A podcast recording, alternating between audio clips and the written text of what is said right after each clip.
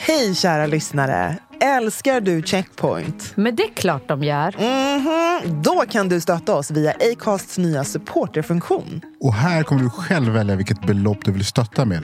Och framförallt, ingen bindningstid. Klicka på länken i poddbeskrivningen och hjälp oss hålla podden i liv.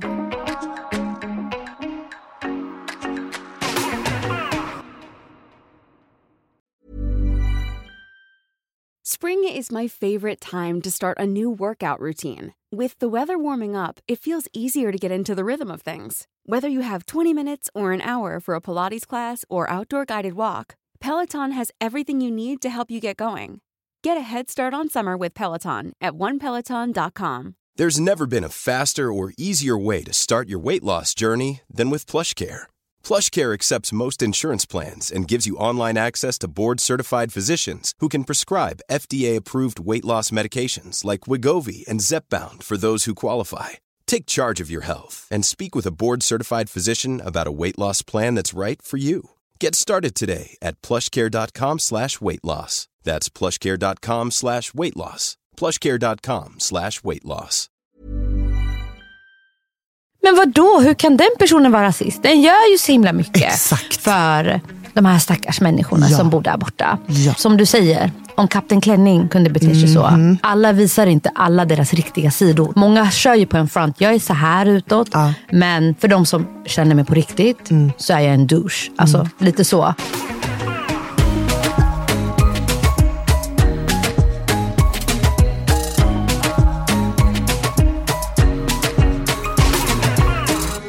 Välkomna till Checkpoint avsnitt 4! Välkomna, välkomna. We are back. Vi förberedde ju lite vad vi skulle prata om idag. Mer om oss själva. Vi ska prata om vita styrelser, rasism på jobbet och vita Rosa Parks. Såg du det här eh, Brandon? När det kommer till vita... Rosa Parks, ja. Nej, men jag, jag förstod lite grann vad det, Vad det handlar vad det handlar om. Och um, det är väl ett så här, återkommande samtal hela tiden om hur vissa kan hijacka vissa samtal eller vissa, eller vissa initiativ och försöker ompaketera det till att det blir Mm. deras egna initiativ eller deras egna awakeness på något sätt. Ja, men eller så tycker jag att det är intressant de som bara, ja, men det, alltså jag känner ju mig som Martin Luther King. Alltså det är liksom samma grej. Man bara, alltså du är vit. Jag, Jag vet inte riktigt varför du jämför din kamp som- med, ja det, det är jättevanligt. Det är väldigt vanligt. Då har du ju slagit över lite grann. Eller, har ju alltså det. kanske är välmenat, men då, har- då har du gått över till något. Precis. Fast även om det är välmenat känner jag så här att som vit så vet man inte hur det är att vara en minoritet Nej, överhuvudtaget. Speciellt när man tillhör majoriteten. Och eh, att ta en person som typ Rosa Parks, som är en medborgaraktivist och också satte igång en stor del av medborgarrörelsen och ta hennes kamp och, och känna så här, fast jag känner mig också som en vit Rosa Ja, Parks. Fast exakt. man inte har upplevt Jim Crow-lagen, apartheid och så vidare. Eller rasism överhuvudtaget. Hur förstår man då den kampen Rosa Park och andra svarta gick Exakt. igenom? Det som har hänt är då att en eh, väldigt känd offentlig person som är feminist och en vit kvinna eh, fick, som kämpar för många olika saker, eh, fick i en kommentar på Instagram att åh, du är så bra, du är som en vit Rosa Parks. Den som la den kommentaren, fick den lite... Det var anonymiserat, det Aha, som jag okej. såg. Eh, så jag kunde inte följa eh, tråden. Men det är ju intressant att de, så fort, det känns ju så, så fort vi, eller svarta eller liksom icke-vita, får en förebild eller någon som kämpar för någonting. Så blir det precis som du sa, att det känns som att man vill hijacka det. Eh, och föra in det. Det känns ju som att narrativet idag, till exempel, om Martin Luther King, är ju så himla positivt och han är, var en sån förebild. Och man har verkligen nästan... Men han har ju en halo över sig. Medans narrativet då och det han och hans, alltså hela rörelsen fick utstå var ju absolut inte det. Man, det är som att man har liksom suddat bort all den skit som de egentligen gick igenom. Och Exakt. hur samhället i stort och hur media pratade om honom då.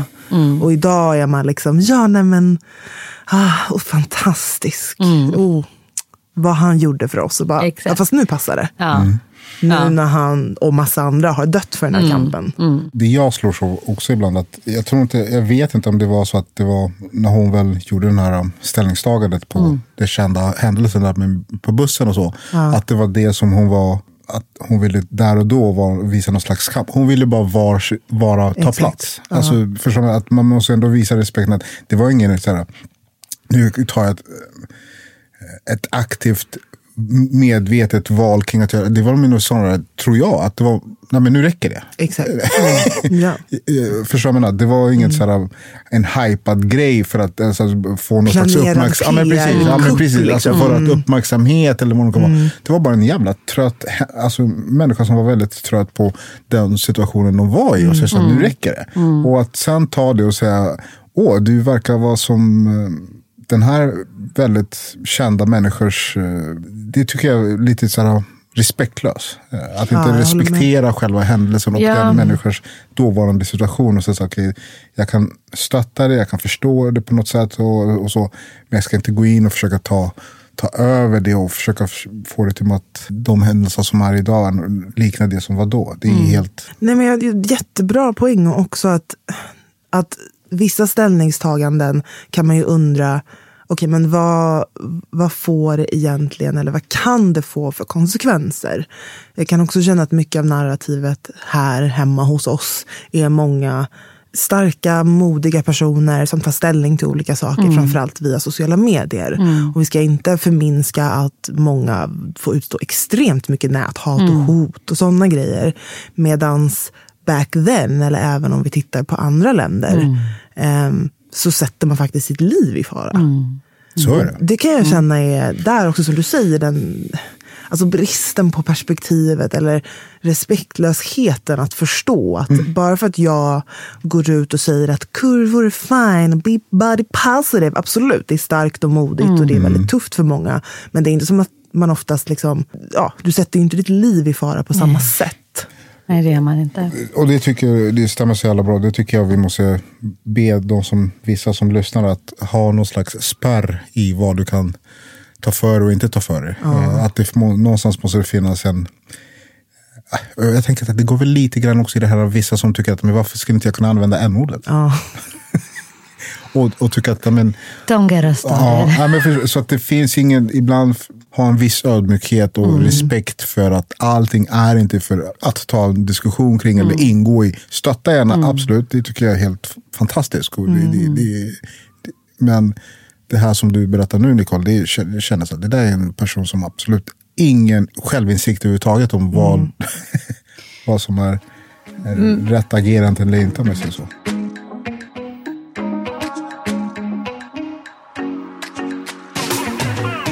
Det som är sjukt intressant nu är att något som verkligen har gått alltså pendlat till att bli mycket, mycket bättre är ju till exempel då Guldbaggen.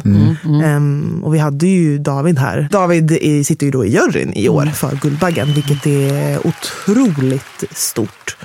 Men också den, ehm, hur många olika perspektiv som faktiskt sitter i den juryn i år. Och det är också där någonstans när man vill se förändring. Att det handlar inte bara om att ha perspektiven och mångfalden längst ner. Då, är vi ju, då är det ju liksom Egypten, låt oss bygga era pyramider. Där sa du någonting. Det är det det är. Att, du, att David är med fantastisk. Eh, Då tänker jag också att undrar hur länge han kommer få vara med. Och jag skulle nästan typ rekommendera honom att, ha, att han ska ha en bestående plats. Eller någon annan. Så, så att det verkligen inte blir någon engångsgrej. Och sen, ja, ja, det är intressant. Jag kommer, jag kommer se fram emot att följa. Och hur han ser hur deras eh, ställningstagande eller insats kommer eh, bena ut i. Alltså verkligen se hur de tänker långsiktigt kring det där. Men det jag resonerar i är så här, räcker det med att vi får vara med i juryn med våra perspektiv?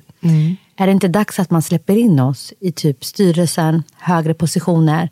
För att, att vi får vara med, till exempel det här företaget då, som har den här prisutdelningen. Fine om vi är med i juryn, det är bra. Det är one step åt rätt riktning. Men om styrelsen är helt vit, det är ju inte riktig inkludering. Utan då har man nöjt sig med att okej, en gång om året kommer ni in och ni Exakt. får nominera lite personer och de vinner ett pris. Och eh, då kommer folk också tro att vi är jätteinkluderande och representativa. Men egentligen så är vi inte det.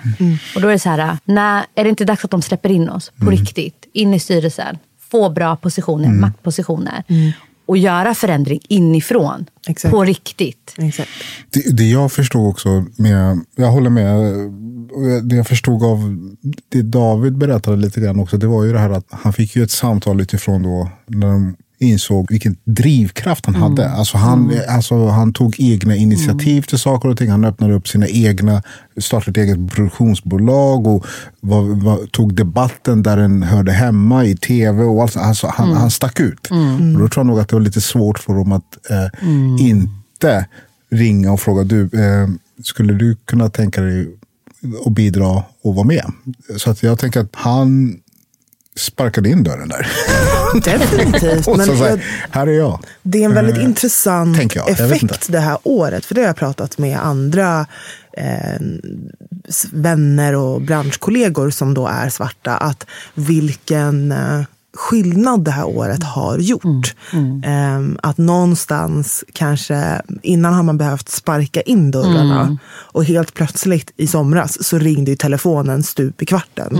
Jag fick ju samtal om att vara med liksom, på SVT dagen efter klockan fem på morgonen. Jag bara, det var lite kort varsel kanske. Men, eh, så att Var där, tacksam att vara med liksom. Hallå. Nej, det var väl snarare att det, bara, det blev i och med BLM, att det blev så urgent att eh, lyfta fram oss och verkligen lyssna på våra perspektiv. Ehm, men jag kan ju inte känna att det har hållit i sig med samma kraft eller samma brinnande urgency så här nu ett 100%. halvår senare.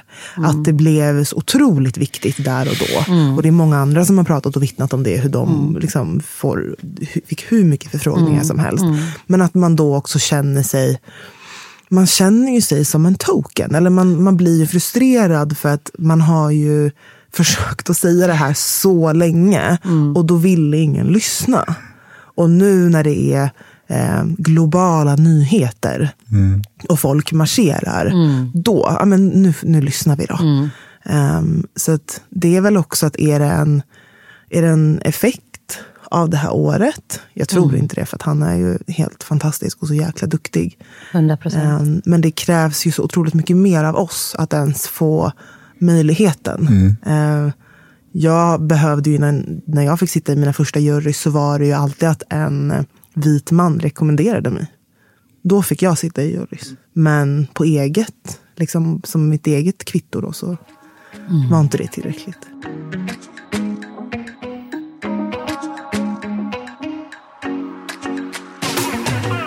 Men sen då, om vi, om vi pratar om att så här, okej, vi, vi får komma in Ja. lite djupare i strukturerna. Jag har ju suttit i ledningsgrupper, sitter också i styrelse, det gör också du Brandon. Eh, men vad händer då? Det vill säga, antingen så vill man ju att vi stryker medhårs. Nu sitter vi där, nu har vi fått platsen. Tjusch. Lite så. Är det så ni upplever? Det, har, det är mycket vad jag har upplevt, absolut.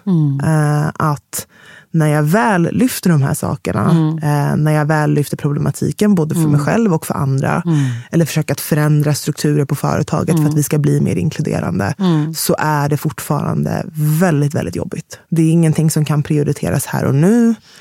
Eh, det är någonting som, men det är, det är väldigt mycket andra saker som måste lösas först. Så att då blir ju, då har ju jag aktivt ifrågasatt, men varför är jag här? För nu känner jag att jag är en token. Nu sitter jag bara här för att ni, det ser bra ut. Men ni har ingen som helst, you have no intentions av att lyssna på vad jag faktiskt säger.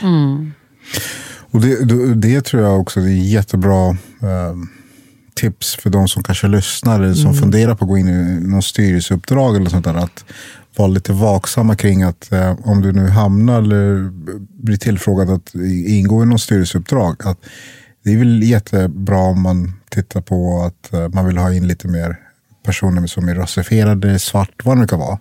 Eh, Men att så fort man kliver in då och lägger märke till att varenda fråga som handlar om inkludering så tittar alla på dig. Ja.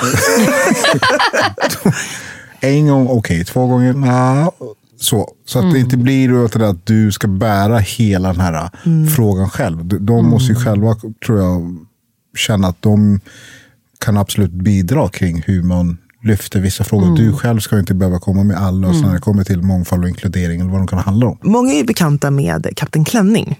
Mm. Som var en högt uppsatt polischef som utåt sett föreläste och utbildade om just ja, men, feminism och hur, liksom, om mäns våld mot kvinnor.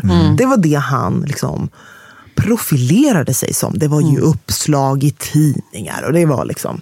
Men bakom kulisserna så köpte han sex av minderåriga tjejer och behandlade dem så illa så att det går inte att beskriva. Det här förekommer på samma sätt när vi pratar om just mångfald och inkludering. Att det finns personer som profilerar sig som jag är för mänskliga rättigheter och det är bilder med sjuka aidsbarn och, det är, och, du vet, och det är så mycket gott och jag är så god. Eh, och det är liksom hela deras identitet är white savior. Men i vardagen så beter de sig på ett annat sätt.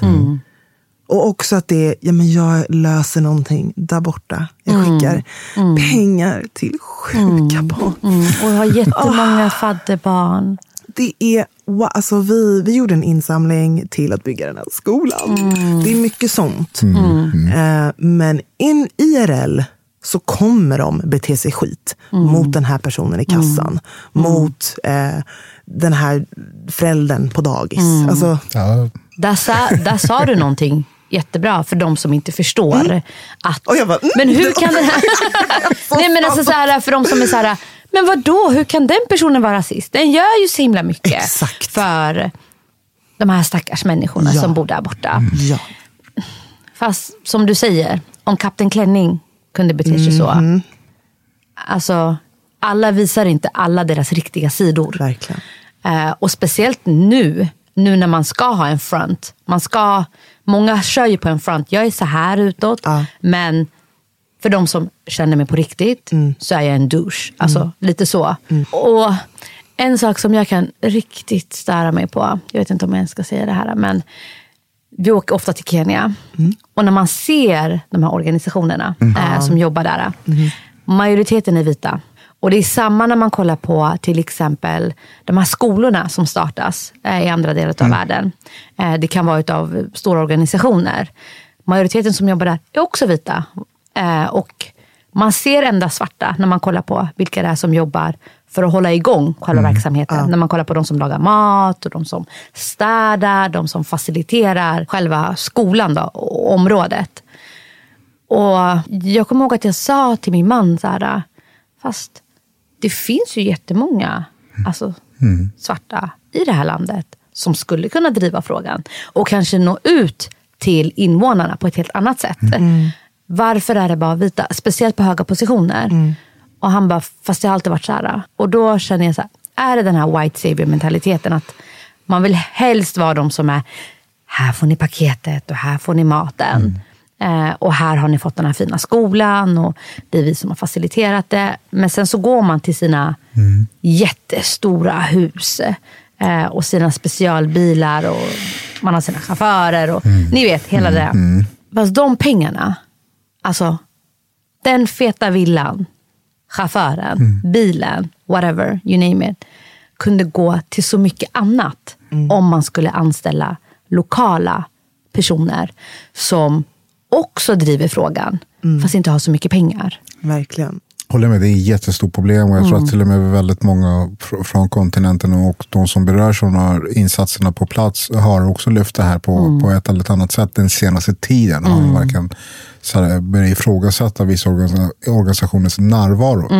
Och det jag också ser, eh, vilket också tror jag är välkomnande, det är det här också att vissa länder börjar ha det som, som, som krav att ska ni ha en närvaro här och jobba med vissa frågor, fine. Men då ska det vara också människor som är från områdena och det, jag tror till och med att det är i Sydafrika till exempel, tror jag någonstans. eh, I Sydafrika, där tror jag inte att du kan bedriva non-profit organisation utan att ha med människorna från landet. Ja, det är bra. Det är jättebra. Eh, ja, det är jättebra.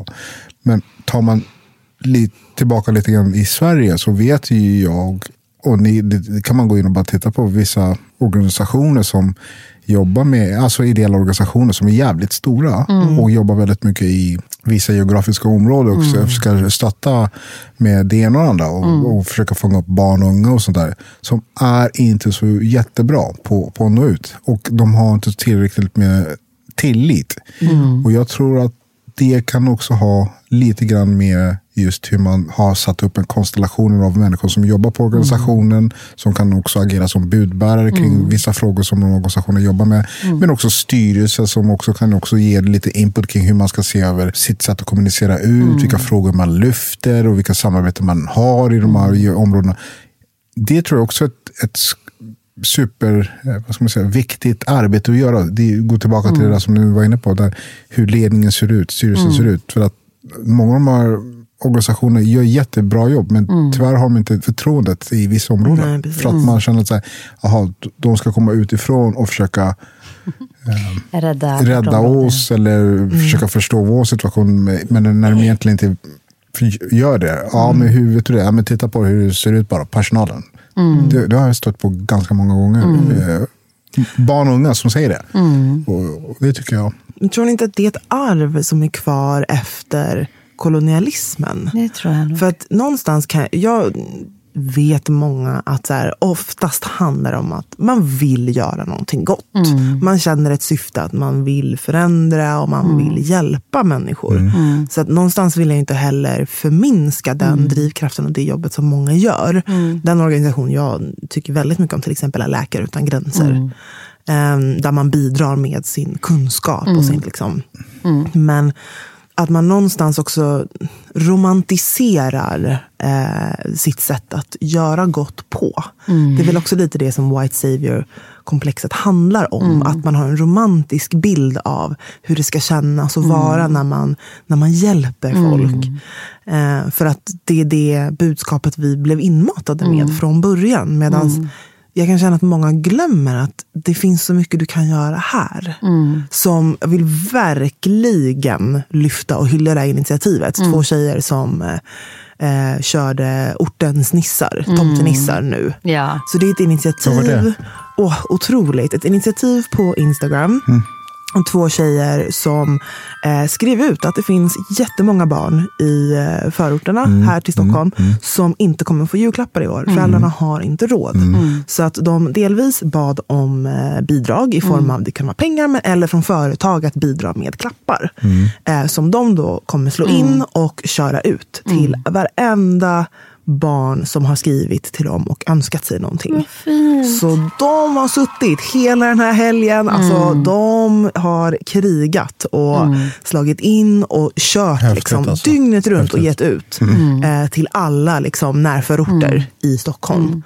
Sådana grejer tror jag att folk glömmer. Mm. Att vi, det, du kan hjälpa någon Exakt. här och nu. Exakt. Det behöver inte vara att du måste hjälpa någon där borta. Mm. Eller att någonting går på autogiro från mm. ditt konto mm. till ett fadderbarn som du har fått en bild på. Alltså, mm. Lite den. Mm. Tänk om alla företag skulle, istället för att ge ut julpresenter till anställda, hade valt att till exempel ge, donera till de här tjejernas Ortens initiativ. Nissar, ja. Ja, eller andra stora initiativ som mm. hjälper eh, unga mm. eller barn här i Sverige. Mm.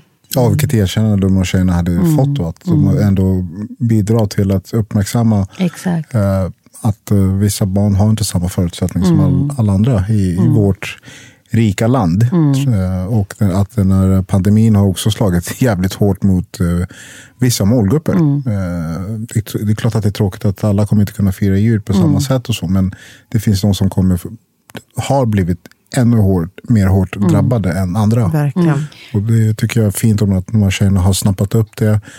Och jag hoppas verkligen att folk går in och ser och stöttar det verkligen. Ja, men stor, mm. Jag vill verkligen ge en shoutout till ortens tomtenissar. Eh, man hittar dem fortfarande på Instagram och förhoppningsvis är det någonting som återkommer. Ja, som återkommer. Mm. Jag hoppas att folk eh, uppmärksammar och, och, sprider det här. En mm. annan grej som jag verkligen vill ge shoutout till. Oj, oj, oj, det här såg jag igår. Mm. Eh, det är en grym tjej som har gjort eh, jultomtar. Som svarta är svarta! Ja. Oh, jag måste visa! And different shades oh my of God. Black Santa. Tre shades. Ja. Oh Också härifrån, eller? God. Ja, Härifrån. Ja. Och jag var så här, uh, God damn it, you nailed it. Alltså. Ja, alltså det, he- okej, så det heter Santa understreck of understreck color understreck. Wow. Eh, så man kan beställa tre, det finns tre shades av Black Santa. Eh, som man kan ha som liksom peanuts. Så jag vill Så jävla bra. shoutout. Ja. Och köp nice. Nu till snyggt. nästa år. Ja. Eh, support your local black entrepreneur.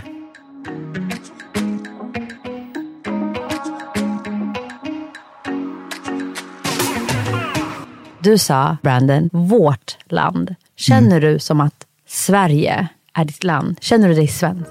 Absolut. Eh, Ärligt? Ja, jag måste... Vad härligt. Andra går ut. Boom.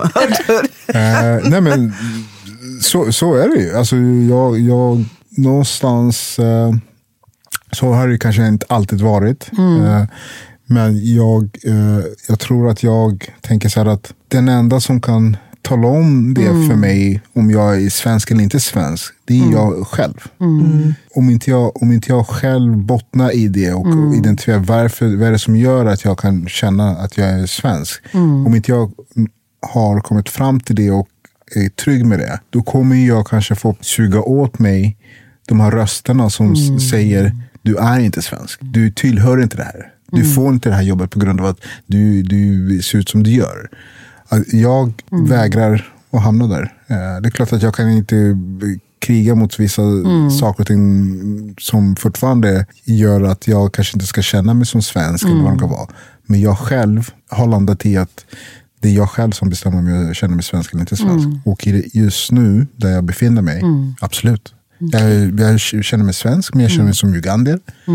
Eh, Och det är jag själv som har landat i att jag, jag vill känna så. Eh, Så att svar på din fråga, ja jag gör det. Och stolt. Nu bollar jag tillbaka till er. Men det som är så intressant är ju att det är för första gången i år som jag har fått frågan, vad identifierar du dig som? Jag är så van vid, har ni tänkt på det? Att oftast är det ju andra som sätter Ja. the label Man blir på tillsagd. dig. Ja. Och det var det jag menade. Liksom. Ja, Ja. Men det var första gången i våras som jag fick frågan. Och jag bara, oj jag måste tänka. jag vet faktiskt inte. Nej, men, och sen också att man är så van vid att förklara. Framförallt då för mig som också ja, men, delvis inte är vit, men också att jag bodde utomlands så länge. Och behövde förklara hela tiden. Ehm, men det var nästan som att min svenskhet kom fram när jag bodde utomlands. Det var då jag började identifiera mig som, som svensk. Jag upplevde inte mig själv innan det som eh, liksom, nationell överhuvudtaget. Men helt plötsligt så bara köttbullar. Kungen, fan kungen han är skön. Det är alltså. nationaldagen Ja, men idag, typ, jag typ, lite. Ja. prinsesstårta. Alltså, det var väldigt, då kom de här starka och jag tror någonstans att jag vet inte, att det, man, jag insåg väl att det är en del av min identitet. Men lika mycket så är jag ju präglad av min finskhet. Och den, alltså min del som är väldigt ugandi. Alltså Allt det här, att man är liksom en kombination. Och jag tror jag verkligen började tänka på det när någon frågade vilket, vilket ehm, språk tänker du på? Och det skiftar för mig. Det är samma Beroende här. på vad ämnet är. Hund, jag känner igen det det där. Jag känner igen det där. Ja. När jag tänker, typ, eller så här, om jag är i Finland eller ska prata med min finska släkt, då börjar jag, ja, då börjar jag ju tänka på riktigt? finska. Ja. Säg någonting. Nej, men alltså, jag pratar ju som en mormor. Jag pratar som min mormor, för det är typ bara den delen. Alltså det är det enda jag kan. Kitos. De skrattar ju åt mig. De tycker att jag, de bara, du låter, du låter som en britt. Jag är intresserad, intresserad av att höra vad du landar i någonstans när det kommer till just det här att känna sig som svensk eller icke-svensk eller som, ja, vad det nu handlar om. Alltså, jag känner mig inte, eller jag säger inte att jag är svensk. Eh, och jag har inte heller landat i att jag är svensk. Jag må vara född i det här landet och fått mina barn här. Du är till och med född här. Ja, det är jag. Eh, fast jag känner mig inte svensk. Visst känner jag igen det du säger Nicole, att när jag är utomlands och folk frågar så här, vilket land kommer du ifrån? Och då säger jag ju Sverige. Och då kollar de så här, like what? Och då måste säga, ja men jag är född i Sverige. Fast ursprungligen kommer jag från Somalia. Och då blir det så här, ah okej, okay, got it. Och också att jag kan sakna mycket av Sverige när jag är utomlands. Men jag säger ju inte att jag är svensk. Och jag känner att jag inte Nej, men jag känner inte att jag har någon rätt till att säga att jag är svensk. För att det är så mycket av mig som inte är svensk. Alltså om man utgår från normen. Då. Och sen så undrar jag ibland så här, om jag skulle säga, ja men jag är svensk, eh, när jag är i ett vitt rum. Hur hade folk reagerat då? Och jag tror nog att jag har blivit påverkad utav allt det här jag har fått utstå sen jag var liten. Att jag någonstans känner så här, att min somaliska identitet, jag vill ju inte förlora den. Så jag håller ju den ganska hårt. För att jag vill ju ha någonting, när, all, när andra säger så här, men du är ju inte svensk, du är svart och du, du är det här, det här, det här. Så vill jag ju ha något som jag verkligen, så här, fast jag är ju somalier. Och bara känna så här, I have something to identify with. Men eh, jag tror att det inte går att undgå den prägen Sverige har satt i mig. Eh, så jag är fortfarande, jag har inte landat i det ännu. Det kanske kommer. Men hur, hur gör ni för att ehm, behålla... Jag vet ju, jag den senaste tiden har försökt med, på ett medveten plan hela tiden försöka behålla den här, de här olika identiteterna som jag då går runt och bär. Ehm, till exempel att jag hela tiden försöker tänka på att ja, men jag, så fort jag ringer min mamma så vill jag prata på Luganda. Eh, då pratar jag hela tiden med henne på det. Eh, förut kunde jag blanda in engelska och svenska. Men nu försöker jag vara medveten och försöka behålla det för att mina barn ska höra det och, och så vidare. Jag åker ganska mycket tillbaka nu tillbaka till Uganda. Nu, har vi inte, nu kan vi inte åka i år men de senaste åren har jag åkt tillbaka bara för att försöka ha, hålla kvar i, i det eh, och känna att det är okej att ha det också. Och det, det berikar mig som fan, det måste jag säga. Och då tänker jag, hur, hur gör ni för att eh, ha Gud, kvar? den är så svår. För att vi åkte ju inte tillbaka. Alltså min pappa åkte inte tillbaka till Uganda på typ 18 år. För att det var för smärtsamt för honom. Så att den resan var ju väldigt emotionell för hela familjen. Vi åkte dit när jag var 15. Men jag tror någonstans att det viktiga för mig har varit att ha liksom kontakt alltså med familjerna. Att för mig kommer liksom kulturen och de delarna genom familjerna. Både genom min finska släkt och min ugandiska släkt. Sen så är det många av min ugandiska släkt som bor i England och i USA. Men att jag ser på det också som att Alltså det, är en, det är den moderna kulturen, eller så den moderna svensken. Jag är den moderna svensken. Och att det man är inte en kameleont, för att det handlar inte om att skala bort det, utan snarare vad gör alla de här underbara delarna? Vad skapar det? Det är som i Ratatouille, har ni sett den? När han bara, och så tar vi lite ost, så tar vi lite bröd och en jordgubbe och så blir det så! Typ så. Det är jag. Alltså jag tar allt det här fantastiska från de olika kulturerna och historierna. Och det är det som gör magi. Så att för mig är det nog mer genom familjerna. Och jag ber dem att påminna mig och berätta om den här. Jag minns någon historia någon berättade när jag var liten. Vad var det nu igen? Mycket sånt. Fast grejen är när vi sitter här tillsammans i ett väldigt tryggt rum så kan jag låta alla de här delarna komma ut utan att jag behöver förklara vart den här biten kommer ifrån och vart den här biten kommer ifrån och allt sånt där. Fast jag tror inte att jag har landat i att visa alla de här fantastiska sidorna för andra, speciellt i vita rum. Jag åkte ju själv ner till hemlandet först 2003. Eh, och bara kände så här, nu har jag fått den här pusselbiten som saknades. För nu har jag, like I'm on the soil. Jag äter maten, jag suger åt mig allt det här. Eh, så, att, så att när jag går tillbaka, då kan jag äntligen säga så här, jag har varit i hemlandet. För innan har jag aldrig varit där. För då var det så här, men jag är född här. Ja, har du varit? Nej, jag har aldrig varit där. Eh, och sen när jag var med andra från samma land och när de så här berättar om olika städer och eh, olika godsaker eller så här, olika saker man gör där. Jag hade ju inte det. Jag saknade ju det. Men efter att jag hade varit där så bara så här, mm, äntligen. I'm back where I belong. Yeah, never felt so strong. Hey, I'm back. I'm feeling like there's nothing I can't try. And if you with me, put your när de pratar om deras upplevelser från hemlandet, då kan jag också flika in. Jag är, jag är en del av det de beskriver. Och jag tror att för mig var det så här äh, en full circle moment. Att nu har jag äntligen fått vara i hemlandet. Och då kan jag infinna mig att vi bor i Sverige. Fast inte att jag är svensk. Fast jag kan infinna mig i att Jag har åtminstone fått uppleva det. Mina barn har inte gjort det ännu. Fast de har ju varit i Afrika, eh, speciellt i Kenya flera gånger. Eh, och eh, just när du pratade om språket. Mina barn förstår ju somaliska, fast de pratar inte somaliska ännu. Pra, pratar du med dem? Jag är en mix. Jag pratar, jag blandar allt. Det blir Speciellt också som när att jag du är med dem. född här, så blir, man Ja. redan har en mix av språk. Ja. Du är mer svensk än vad jag är. I know about that. Men jag blandar väldigt mycket. Ja. Det kommer ut svenska, engelska, somaliska. Eh, fast nu försöker de också lära sig swahili. De snappar upp väldigt mycket. De förstår väl mer än vad jag gör. Habari. Eh, så jag känner mig som en outsider. Kan du, kan du swahili? Jag kan vissa fraser. Okej. Watcha. Eh, men jag försöker också lära mig. Mm. Eh, Men jag har insett nu att jag verkligen vill att de ska kunna Mm. alla de här språken. Så att inte bara förstå, men prata.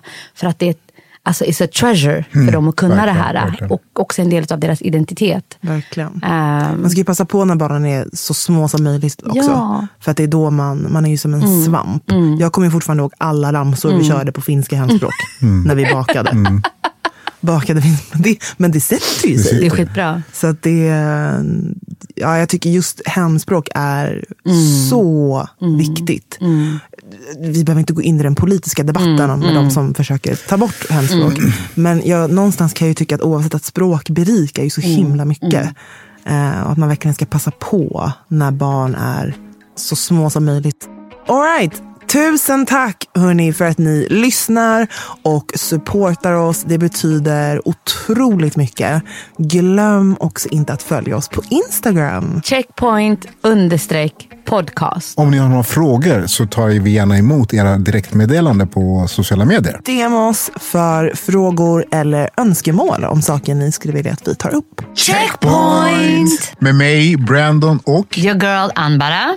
Och Nicole. Syns. Hej då! Jalla.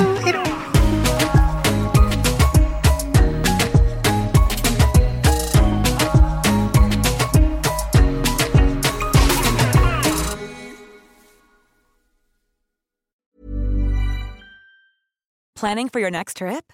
Elevate your travel style with Quince. Quince has all the jet setting essentials you'll want for your next getaway, like European linen, premium luggage options, buttery soft Italian leather bags, and so much more. And is all priced at 50 to 80% less than similar brands.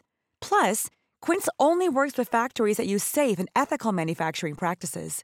Pack your bags with high-quality essentials you'll be wearing for vacations to come with Quince. Go to quince.com slash pack for free shipping and 365-day returns. Hey, folks, I'm Mark Marin from the WTF Podcast, and this episode is brought to you by Kleenex Ultra Soft Tissues, your ally to help tackle your allergy symptoms this season. I love the change of seasons, but nobody loves pollen and all those other things floating in the air that make you sneeze during this nice weather. Kleenex Ultra Soft Tissues are hypoallergenic and allergist approved, so fight back against watery eyes and runny noses without worrying about irritating your skin. For this allergy season, grab Kleenex and face allergies head on.